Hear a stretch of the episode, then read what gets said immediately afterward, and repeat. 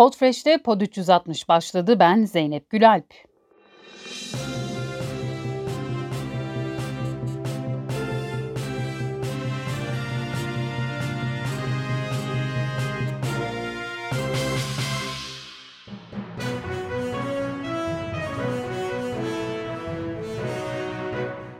Hatay alev alev yandı ama İstanbul'un dolu ihtimali kadar bile gündemde yer bulamadı. Hatay'daki orman yangınından yürek burkan görüntüler ortaya çıktı.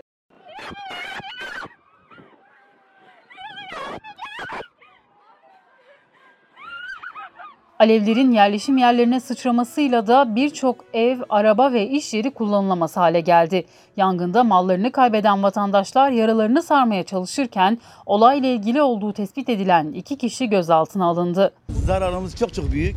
Yangın devam ederken çıkış sebebine ilişkin iddialar da ortaya atıldı. Terör örgütü YPG PKK'yı destekleyen sosyal medya hesapları Hatay'daki orman yangınlarının Ateşin Çocukları İnisiyatifi adlı örgüt tarafından çıkarıldığını iddia etti. Ee, çok ciddi e, e, kasıt şüpheleri ortaya çıktı. Bununla ilgili de tabii ki valiliğimiz çok yönlü soruşturmayı yürütüyor. HDP'dense konuya ilişkin bir yazılı açıklama geldi. Açıklamada kimden gelirse gelsin ve hangi nedenle olursa olsun ormanların yakılmasının ve ekosistemin tahrip edilmesinin karşısında kararlı tutumumuzu sürdüreceğiz denildi.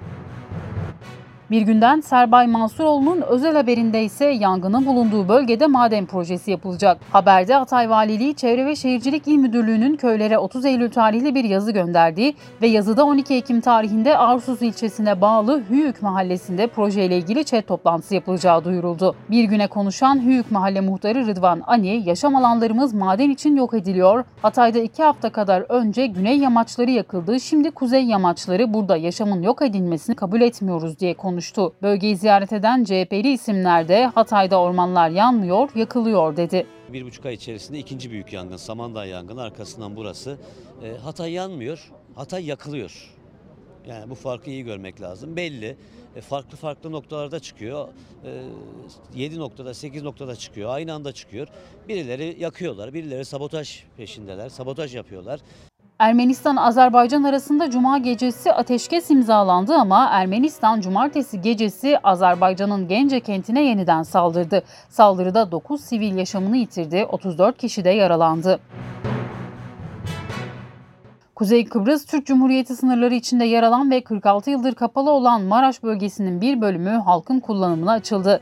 Kıbrıs'taki Maraş bölgesi Akdeniz'in gözde turizm mekanlarından biri Hollywood yıldızlarının uğrak yeriydi.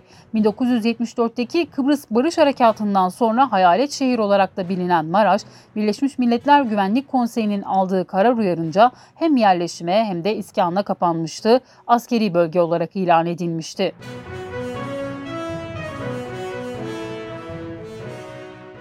Bu hafta gündemde en çok yerini alan konulardan biri de sahte içkiden hayatını kaybedenlerdi. İzmir'de 9 Ekim'de sahte içkiden zehirlendiği iddia edilen 18 kişi kentteki hastanelere başvurdu. Soruşturma kapsamında 5 iş yeri, bir depo ve bir ikamete operasyon düzenlendi. 10 şüpheli gözaltına alındı.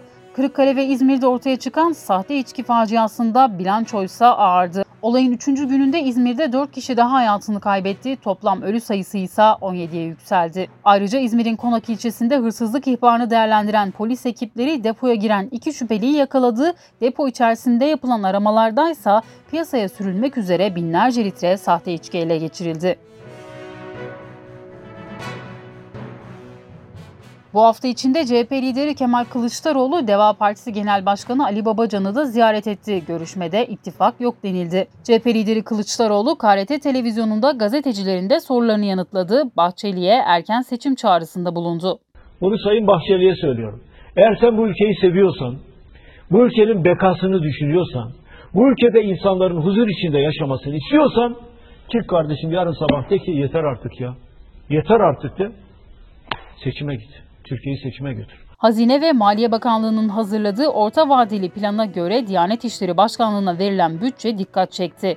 Diyanete 2020 yılında verilecek bütçe 12 milyar 977 milyon lira oldu. Bu bütçe 6 bakanlığın bütçesini de geride bıraktı. Sayıştay'ın Diyanet İşleri Başkanlığı 2019 yılı denetim raporu da ortaya çıktı. Diyanet İşleri Başkanlığı 2019 yılında 10 milyar 211 milyon 680 bin lira harcadı.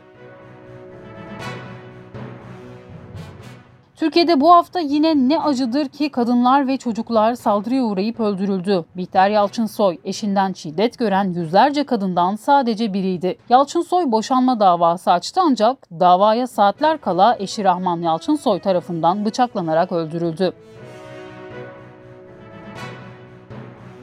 Çorum'da kaldırıldığı hastanede hayatını kaybeden 3 yaşındaki Rüzgar'ın ise cinsel saldırıya uğradığı ortaya çıktı.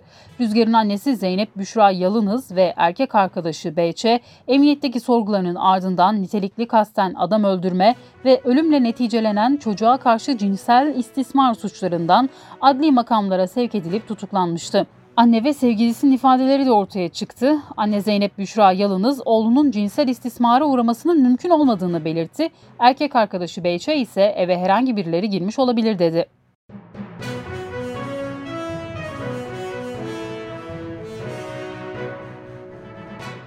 ...4 Ekim pazar gününden bu yana 9277 kişi COVID-19 hastası olarak kayıtlara geçti. 394 kişi ise hayatını kaybetti. Sağlık Bakanı Fahrettin Koca ise 15 Ekim'den itibaren semptom göstermeyenler de dahil olmak üzere tüm koronavirüs vakalarının açıklanacağını söyledi.